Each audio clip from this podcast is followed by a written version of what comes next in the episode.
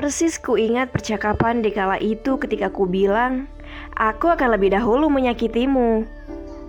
Namun, kau jawab dengan percaya dirinya, sebelum kau menyakitiku, aku yang akan lebih dulu mengacak-ngacak pertahananmu. Pikiranku menari-nari, mengingat percakapan kita yang begitu penuh dengan tanda tanya. Ah, sudahlah, biarkan saja mengalir, tak usah dipikirkan. Kita lihat saja akan menjelma seperti apa percakapan itu. Tegasku pada diri. Perjalanan terus berjalan, membuatku asik dengan alur yang diciptakan, hingga lupa pada sesuatu yang seharusnya sudah menjelma.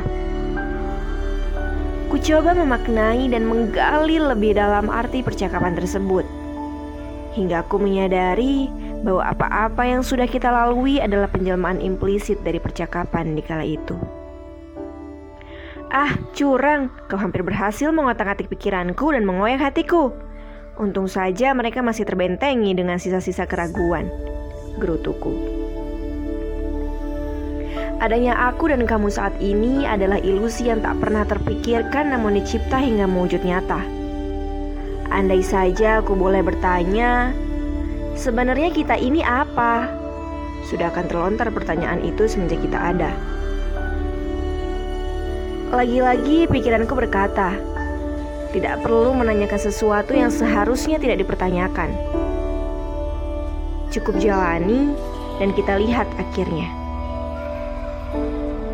Begitulah kita dengan ilusi yang diciptakan hanya mampu menggerakkan arah langkah beriringan tanpa perlu banyak tanya.